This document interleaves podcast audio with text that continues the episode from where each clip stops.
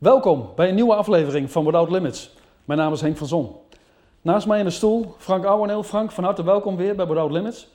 Dankjewel dat je je tijd en je energie en je kennis met ons wilt delen. Ook uh, weer in deze aflevering van Without Limits. Vorige week hebben we het gehad over wie is God. En toen hadden we het over de eigenschappen van God. En vandaag gaan we eigenlijk het vervolg van deze studie doen over de morele eigenschappen. Maar kun je even kort aangeven wat nou het verschil is tussen de eigenschappen en de morele eigenschappen?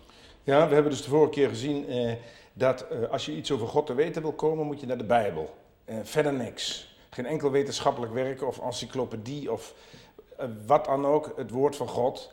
En, en, en de, de Bijbel vertelt heel veel over God. Ja. Nou, vorige keer hebben we gezien wat God allemaal kan. Dat klinkt een beetje gek, maar wat hij allemaal kan. Ja, want hij kan uh, natuurlijk alles. Hij kan natuurlijk alles, dus wij moesten ons vorige keer ook beperken. Maar nou, Gods morele eigenschappen is eigenlijk wat God is. En ik heb je vorige keer ook het voorbeeld genoemd, dat uh, iemand kan bijvoorbeeld, uh, bij ze spreken, heel goed timmeren. Maar als die, dat is een eigenschap. Maar als diezelfde man die erg goed kan timmeren ook heel eerlijk is en betrouwbaar, dat is een morele eigenschap. Ja. En, ja, en, en zo heeft God, uh, dat mag je eigenlijk zo niet zeggen. Maar ja, als je het over God hebt, moet je natuurlijk altijd toch mensentaal gebruiken. Hè? Maar um, voordat ik dat ga doen, wijs ik even weer op de DVD van deze studie. Want het is onmogelijk om, um, om in, in, een aantal uitzendingen veel over God te vertellen. Ik wijs u op de DVD, die kunt u bestellen bij frankouweneel.nl. Daar vindt u uitgebreider wat we hier in de notendop bespreken. Ja. Nou, eerst maar eens, God is heilig. Ziet u, dat is heel wat anders. Dat is heel wat anders dan dat God almachtig is. God is heilig. Um, je zou kunnen zeggen dat het woord heilig betekent letterlijk volmaakt, zonder zonde, verheven. Maar dan heb ik nog niet uitgelegd wat het betekent dat God heilig is. En het is ook zo'n zo christelijke one-liner. God is heilig. En we hebben daar duizenden liederen over. Maar er staat in Jezaja 6. Heilig, heilig, heilig is God. De ganse aarde is van zijn heiligheid vol. Ik heb nog niks gezegd, maar het geeft wel aan dat, het, dat, dat de heiligheid van God iets zeer bijzonders moet zijn. Ja, ja. En even voor de kijkers, u zult zeggen, wat veel bijbelteksten. Ja, want we zijn hier natuurlijk bijbelstudie aan het doen.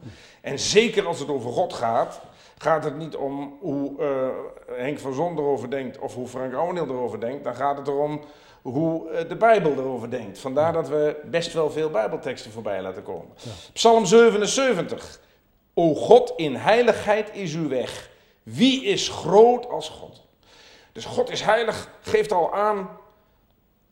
Hij moet, toch wel, hij moet toch wel zeer bijzonder wezen. Exodus 15. Wie is als gij, o God? Heerlijk in heiligheid, vreselijk in roemrijke daden en wonderbaar in uw doen. Dat is wat, hè? Nou, Job 9 beschrijft dat helemaal mooi. Die, en dat is het fijne dat de Bijbel ons helpt om een indruk te krijgen van wie God is. Ik zal dat voorlezen vanaf mijn computer. Er staat in Job 9. En dan vind je ook een klein beetje wat het betekent dat God heilig is. Dus daar staat in Job 9. Zou een sterveling gelijk kunnen hebben tegenover God? Dat zijn van een hoop mensen die roepen God ter verantwoording. Hè? Mensen op deze aarde die zullen God wel eens even vertellen hoe het moet. Zou een sterveling gelijk kunnen hebben tegenover God? Indien God met de mens zou gaan rechten, hè? Uh, uh, uh, recht zou spreken. Niet één op duizend zou de mens God kunnen antwoorden. Wauw. Wie zou, hoe wijs ook van hart en hoe sterk ook van kracht, zich tegen God kunnen verzetten en ongedeerd blijven? Zie dit is even een andere koek, hè? Dit geeft ook natuurlijk de grootheid van God weer. Ja, en ook eh, heilig, dat dat hij, is, hij is uniek. Hij is verheven boven alles. God verplaatst de bergen, staat er in Job 9, zonder dat men het merkt. Hij keert ze om in zijn toren. God doet de aarde van haar plaats wankelen, zodat haar zuilen schudden. Hij geeft aan de zon bevel en ze gaat niet op. Hij sluit de sterren onder zegel weg. Hij spant geheel alleen de hemel uit. En hij schrijdt voort over de hoogten der zee. Hij maakt de beer en de Orion, de Pleiaden en de kamers van het zuiden. En daar komt zijn heiligheid. God doet grote, ondoorgrondelijke dingen. Ja, wonderen zonder tal. En eigenlijk zou je tegen mij nou kunnen zeggen: ja, nou, maar weet ik nog niet wat het is dat God heilig is. Nou, gelukkig hebben we een geschiedenis in het Oude Testament. Um, en, en, en, nogmaals, Niemand kan antwoord geven op de vraag wat het nou precies betekent dat God heilig is. Maar er was in het Oude Testament een Mozes, in Exodus 33, en dat was een vriend van God. En in, Exodus 33 zegt Mozes tegen God, zegt God, wij zijn vrienden en we hebben een fijn contact met elkaar. Ik wil u wel eens een keer zien. Ja. Dan zegt Mozes, doe mij toch uw uh, heerlijkheid zien. Ja. Maar dan zegt God, ja, je kunt mijn aangezicht niet zien, helaas. Hij zou het niet overleven waarschijnlijk. Ja, want er staat ook, geen mens zal mij zien en leven. Dus dat geeft even aan hoe heilig God is. God zegt tegen Mozes, hoe geweldig uh, vriendschappelijk wij ook met elkaar omgaan. Je kunt mij niet zien, want zodra jij mij zou zien, zou jij uh, sterven. Maar, zegt God, omdat wij een hele fijne relatie hebben, zegt God, zie... Uh, bij mij is een plaats waar je op de rots kunt staan. Wanneer mijn heerlijkheid aan u voorbij gaat, zal ik u in de rotsholte zetten ja. en mijn hand bedekken. Dus God zegt, Mozes, ga even in die rotsholte staan. Ik leg mijn hand op je gezicht en dan ga ik voorbij. En dan staat er in Exodus 33, en ik bedek je met mijn hand totdat ik ben voorbij gegaan. Dan ben ik voorbij gegaan, dan zal ik mijn hand wegnemen en dan zult gij mij van achteren zien, maar mijn gezicht niet. Dus u, je, moet, je moet voorstellen, Mozes heeft dus, ik zeg het met eerbied, een fractie van een millimeter van Gods rug gezien. Want God ging voorbij, Mozes heeft dus niet Gods gezicht gezien, maar eh, toen God aan Mozes voorbij ging, toen haalde hij zijn hand weg en toen heeft Mozes heel kort Gods rug gezien. Wat was het gevolg daarvan? Exodus 34. Mozes was bij God 40 dagen. Toen Mozes van de berg afdaalde, nadat hij bij God geweest was, wist hij niet dat de huid van zijn gelaat straalde, doordat hij met God gesproken had. Moet je voorstellen, Mozes heeft een fractie van een seconde, een fractie van Gods rug gezien. Toen Aaron en al de Israëlieten Mozes zagen, zie de huid van zijn gelaat straalde en ze durfden hem niet te naderen. En daarom deed Mozes een doek voor zijn gezicht. Ik heb dat trouwens wel eens gehoord, hè? ook van, uh, van predikers. Die wel eens vertelden dat ze echt in de heerlijkheid van God waren. En dat, ze, dat, ze dan, uh, dat iemand vertelde dat hij dat vlak voor een spreekbeurt had gehad. En dat hij toen uh, door de zaal liep en dat alle mensen naar hem keken. Dat hij helemaal, helemaal gloeide, helemaal straalde. Ja. ja, nou zo was het met Mozes ook. En, en als Mozes weer terugging naar God, naar de berg, dan deed hij die doek weer af. En, uh, en als hij bij God gewezen was, dan kwam hij naar beneden en dan deed hij ook weer voor. Want de Israëlieten konden hem gewoon niet aankijken. Mozes heeft dus, ik heb het al eerder gezegd, een fractie van een seconde de rug van God gezien. Dit was het effect. Dat heeft zo op zijn gezicht, bij wijze van spreken, dat heeft zo zich vastgezet op zijn gezicht. Eh, dat die heerlijkheid van God bleef op zijn gezicht hangen. En dat straalde hij uit zodanig dat niemand hem aan kon kijken. Had hij even Gods rug gezien. Dat geeft even aan hoe heilig God is. Ja. En, en nog kun je geen antwoord op geven wat betekent het dat God heilig is. Nou, ik vond het mooi dat je zei van uh, eigenlijk is hij volmaakt.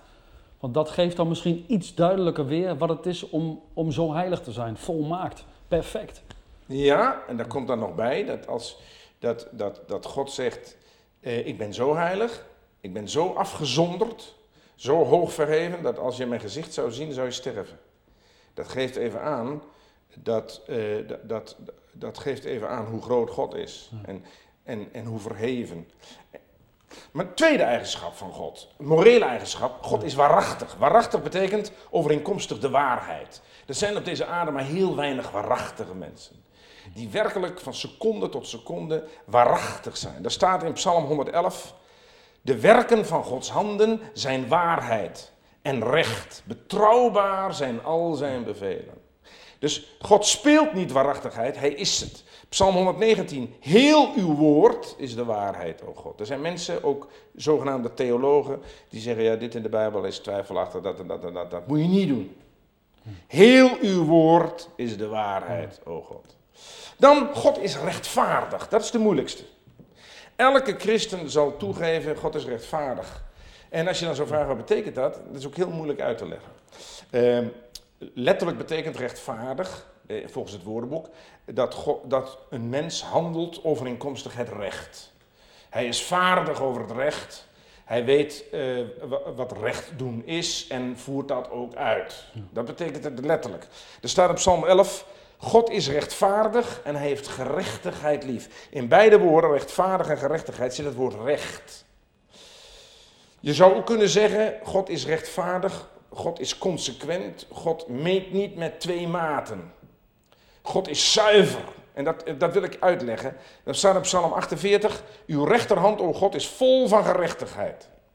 Deuteronomium 32. Ja, we lezen veel voor, kijkers. Want het gaat om het woord van God natuurlijk. Hè? Amen. Het gaat om God. Hè? Gods werk is volkomen omdat al zijn wegen recht zijn. Een God van trouw zonder onrecht. Rechtvaardig en waarachtig is hij. En dat wil ik even uitleggen. Wat betekent dat nou eigenlijk? Je moet voorstellen dat die heilige God is de schepper van hemel en aarde. Dat weten we allemaal. Ehm, daarom kon God aan de mens uh, gehoorzaamheid eisen. God was de schepper, de mens was het schepsel. En uh, God kon dus, omdat hij boven het schepsel stond, tegen de mens zeggen: Je moet mij gehoorzaam zijn. Het schepsel is altijd onderdanig aan de schepper.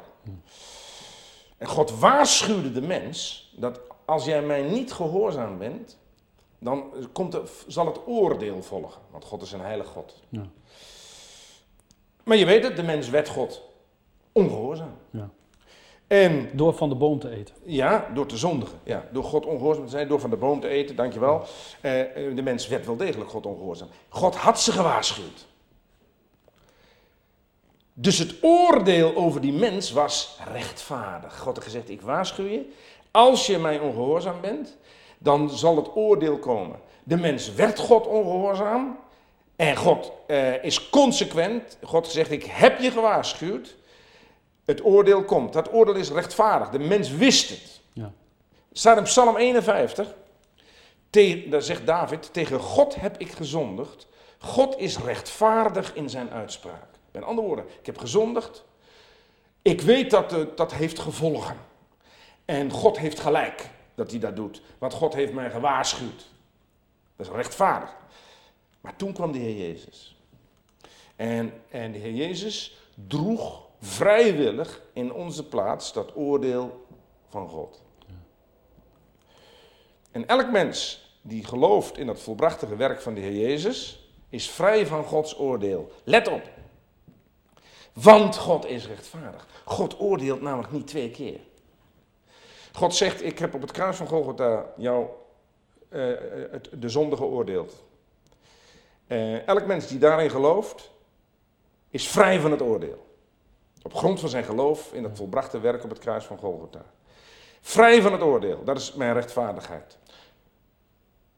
Maar geloof je niet in de Heer Jezus? Geloof je niet dat Hij voor jou dat oordeel gedragen heeft, zegt God tegen de mens, dan zal ik jou dat oordeel moeten laten ondergaan. Ook dat is rechtvaardig, want ik heb je gewaarschuwd. Er staat in 1 Johannes 1, indien wij onze zonden beleiden, God is rechtvaardig om ons de zonden te vergeven. God oordeelt nooit twee keer. Dus elk mens die gelooft in de Heer Jezus uh, is gered van het oordeel. Dat is, dat, omdat het oordeel al gedragen is op het kruis van Golgotha. En, uh, en, en, en, dat, en dat is dus heel bijzonder belangrijk. En een mens hoeft dus nooit bang te zijn. Elk mens die gelooft in de Heer Jezus, hoeft ook nooit bang te zijn dat hij in het oordeel komt. Want hij heeft geloofd in de Heer Jezus. En daar is het oordeel al geweest op het kruis van Golgotha. Jezus is eigenlijk de rechter die zegt straks bij het laatste oordeel niet schuldig. Precies, want ik heb jouw schuld gedragen. En omdat God rechtvaardig is, doet God dat niet nog een keer met jou en mij. Maar nogmaals, de mensen die de Heer Jezus afwijzen, ook dan is God rechtvaardig. Ja, ja. Dan zal God zeggen, juist, jou zal ik oordelen. En al die flauwekul, ook in de christenheid, God is lief en dat zal allemaal wel meevallen. Nee, want God is rechtvaardig. Ja. Een rechter die een, een, een, schuldige voor zich krijgt, kan zeggen: Nou, schuldige, ik heb vandaag een goede bui. Ik heb een hoop belasting teruggehad. Ik heb het erg leuk. En wij zeggen: Ik ga morgen op vakantie. Weet je wat, ik spreek je vrij. Dat doet de rechter niet, want een rechter wordt geacht recht te spreken. Ja, ja. Dan het tweede, we moeten hier kort in zijn, dat is jammer. God is getrouw. Er staat in 2 Timotheus 2, dus een, dus een derde morele eigenschap. Als wij ontrouw zijn, God blijft getrouw, want zichzelf verloochenen kan hij niet. Uh, ehm, 1 Johannes 1, indien wij onze zonden beleiden, dat is een hele mooie. God is getrouw en rechtvaardig om ons de zonden te vergeven. Met andere woorden, hoe vaak wij ook naar God toe gaan om onze zonde te beleiden, God blijft trouw. God zegt, zegt nooit, ben je er nou alweer? Ben je er nou alweer? God blijft trouw in alles. God is licht. Volgende eigenschap. God heeft het licht niet gemaakt, hij is het. Daarom kon God zeggen, uh, er zijn licht en er was licht. Dat hoefde God niet te maken, niet te scheppen, hij is het zelf. 1 Johannes 1, God is licht, en dan staat erachter, en in hem is in het geheel geen duisternis. God is licht en daarom kon dus God zeggen, er zij licht. En de Heer Jezus, hij weerspiegelde dat licht, want hij kon zeggen, ik ben het licht der wereld. Hij kwam van God. En de laatste, de meest beroemde, God is liefde. Dat is de meest onbegrepen eigenschap van God, want men denkt dat God alles maar goed vindt en lief en aardig is. Er staat in de Bijbel, in Johannes 4, God is liefde. Niet dat hij lief is, dat is heel belangrijk. Mensen willen graag een lieve God. Dat is God helemaal niet. Er staat in de Bijbel honderden malen dat hij heilig is en rechtvaardig. En een keer 4, 5, 6 dat hij liefde is. Maar dat pakken wij er graag uit. En wij, eh, wij gedragen ons niet altijd zoals het hoort. Maar ja, God is toch liefde. God is een soort Sinterklaas. God vindt alles goed. Hij ziet het wel door de vingers. Ja, God, God is rechtvaardig. Maar God is ook liefde. En dat is bewezen op het kruis. Op het kruis is bewezen dat God rechtvaardig is. Want de zonde moest geoordeeld worden. Maar tegelijk is op het kruis bewezen dat hij liefde was, want God wilde de mens sparen en heeft zijn zoon gegeven. God is liefde. 2 Korinther 13, de God van de liefde zal met u zijn. Maar het mooiste heeft God dus, zoals ik al zei, zijn liefde bewezen. Er staat in eh, Romeinen 5, ik lees het voor, God bewijst zijn liefde aan ons doordat Christus, toen wij nog zondaren waren, voor ons gestorven is. Het kruis van Golgotha, 2000 jaar geleden, is het bewijs van Gods liefde. Had God dat niet gedaan, dan had hij, omdat hij rechtvaardig is, alle mensen moeten oordelen. Ja, geweldig. En als we nou kijken, hè, dat, dat God is zo groot, uh, dat, is, dat is niet voor te stellen. Hè? Je hebt het proberen te schetsen, hè, vorige week en ook tot nu toe vandaag, maar toch is het met ons verstand eigenlijk niet te begrijpen. Maar als je dan bedenkt dat God ook een God is die, die, die van ons houdt en, en, en en bij ons wil zijn. En dat, dan, dan denk ik, hoe is hij met de mensen in contact gekomen? Ja, dat is heel mooi. Want, want jij en ik, we hebben het nu over God. En, en, en God heeft heel veel van zichzelf verteld. Maar we hebben het een, een, nu in de vorige uitzending over gehad hoe, hoe geweldig groot hij is. En, en diezelfde God, die uh, heeft er, beleeft vreugde eraan om met mensen in contact te staan. Terwijl die mensen, eigenlijk, eigenlijk onheilig zijn. God wil dat, want God is liefde. God is een God van relaties. God, allereerst is God in contact gekomen met de mens nog steeds door de schepping. Als de grootste atheïst moet toch wel een gigantische fantast zijn.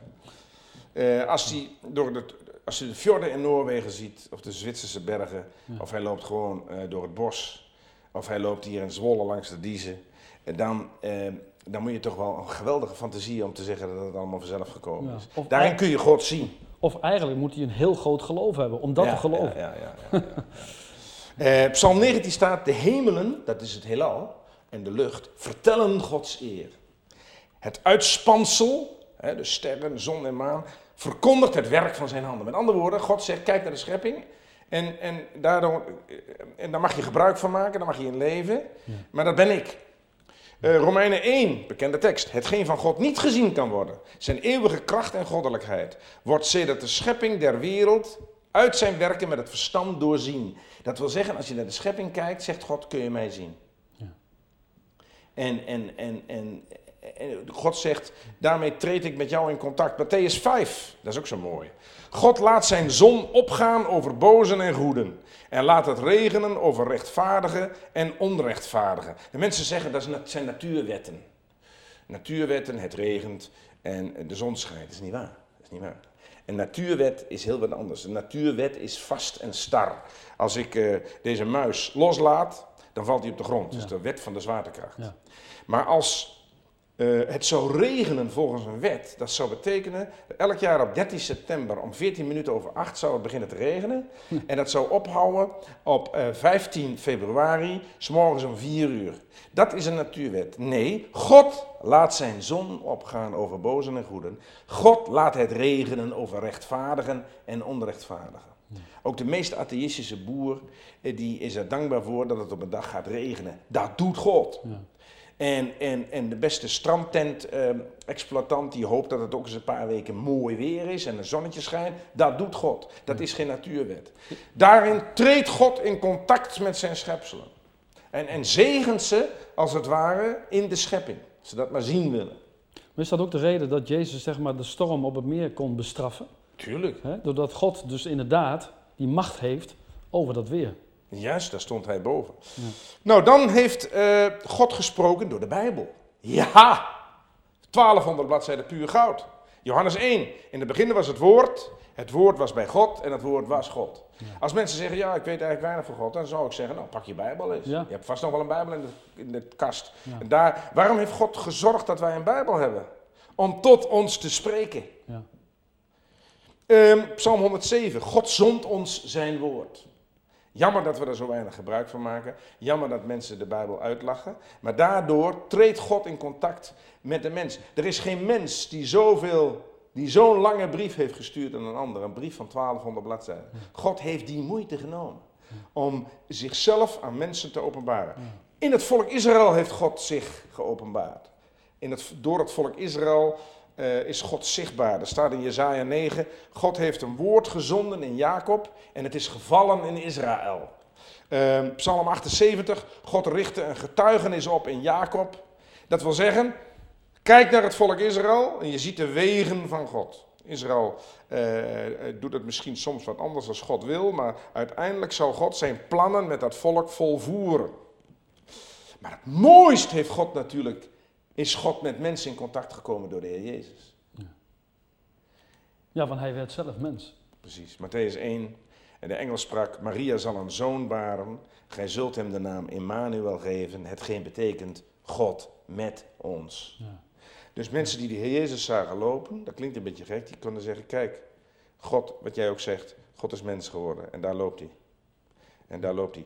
Gelukkig is God niet tot ons gekomen in zijn heiligheid, want God had tegen Mozes gezegd, niemand kan mij zien en in leven blijven. Als God in zijn heiligheid op aarde zou zijn gekomen, ik zeg het eerbiedig, zodra God zijn voeten op de aardbol zou hebben gezet, zouden de mensen verteerd zijn geraakt. Daarom is God mens geworden.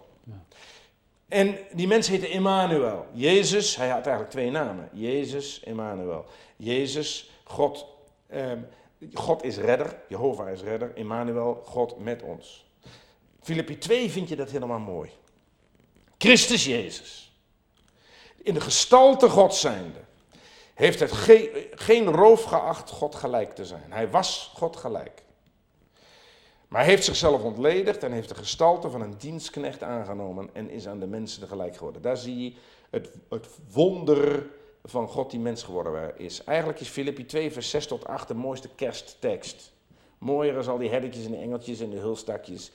En in zijn uiterlijk is Jezus als een mens bevonden, heeft hij zich vernederd en is gehoorzaam geworden tot de dood. Ja, tot de dood van het kruis. Daar zie je dat de Heer Jezus God zelf was en zich vernederd heeft, mens is geworden en uiteindelijk naar het kruis is gegaan.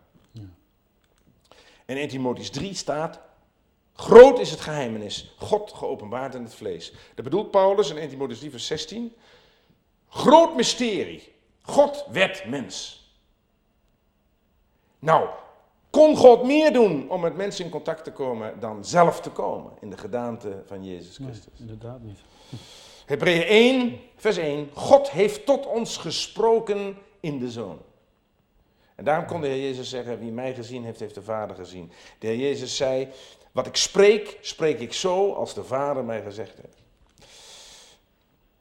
En daarom staat er ook in Johannes 1, ik lees dat voor, niemand heeft ooit God gezien, de enige geboren zoon die in de schoot van de Vader is, die heeft hem doen kennen. Dus als jouw, jouw vraag is, hoe, zijn wij met hoe is God in contact getreden met de mensen? Op heel veel manieren. In de schepping, door, zijn, door de Bijbel, door het volk Israël. Maar op het meest mooie, wonderlijke door zijn zoon Jezus Christus. Zijn zoon hè, die eigenlijk heel dicht bij ons was. Amen. Nou, als ik daarover nadenk, dan wat betekent eigenlijk de uitdrukking dat, dat God dicht bij ons is? Nou, dat is heel mooi. Want we hebben het gehad over de grootheid van God. Um, diezelfde God mag ik vader noemen. Nou, is het, kan het dichterbij? Diezelfde God, de allerhoogste, de allermachtigste, is voor mij een schuilplaats. Er staat in Psalm 91, wie in de schuilplaats van de Allerhoogsten is gezeten, vernacht in de schaduw van de Almachtige. Ik zeg tot de Heere God, mijn toevlucht en mijn vesting, mijn God op wie ik vertrouw. Dat wil zeggen, die grote God, waarvan we de grootheid met elkaar hebben besproken, is mij een schuilplaats. Welke, wat is een betere schuilplaats dan die God? Psalm 62, vertrouw op God te alle tijden. Stort uw hart uit voor zijn aangezicht. God is onze schuilplaats. Diezelfde grote God die alles kan. We hebben gezien, er zijn geen beperkingen aan die geweldige morele eigenschappen heeft, die geweldig groot is. God is geweldig, hebben we gezien in Job 36 de vorige keer, maar hij acht niets gering, is mijn schuilplaats. En de Heer Jezus, er staat in Johannes 1, allen die Christus Jezus aangenomen hebben, zijn kinderen van God geworden. Dus als je gelooft in de Heer Jezus, ben je een kind van God. En de Heer Jezus zegt ook in Johannes 20, jij mag die God vader noemen als je in mij gelooft. En het mooie is, in Matthäus 6, uw vader, zegt de Heer Jezus, weet wat gij nodig hebt. Mooi hè? Die, diezelfde God die alles kan. Als ik geloof in de Heer Jezus, is mijn vader geworden. Die weet wat ik nodig heb. Zo dichtbij is God gekomen. Ja. En hij is zelfs in ons komen wonen door de Heilige Geest. Ook nog eens. En wat Paulus zegt in Romeinen 8, daar staat, wij hebben de geest van het zoonschap, waardoor wij roepen, Abba, vader. Abba is het Aramese woord voor papa. Dus de intieme vorm. Ik mag door het geloof met de Heer Jezus intiem zijn met die grote God. Ja. Geweldig. Heel bijzonder, heel bijzonder.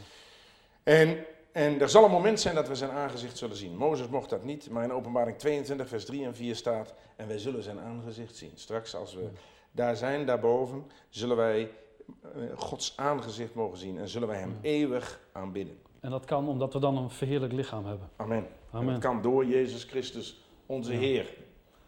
Frank, de tijd zit er helaas op. Ja, de studie gaat te ver, wat je ja, al zei. we hebben altijd nog onze DVD, hè? Ja. Altijd nog onze DVD. Die kunt u altijd nog bestellen. Die gaat er zeer uitgebreid op in. Ja, want die duurt denk ik een uur of twee of zo. Ja, minstens. Ja, minstens. Ja,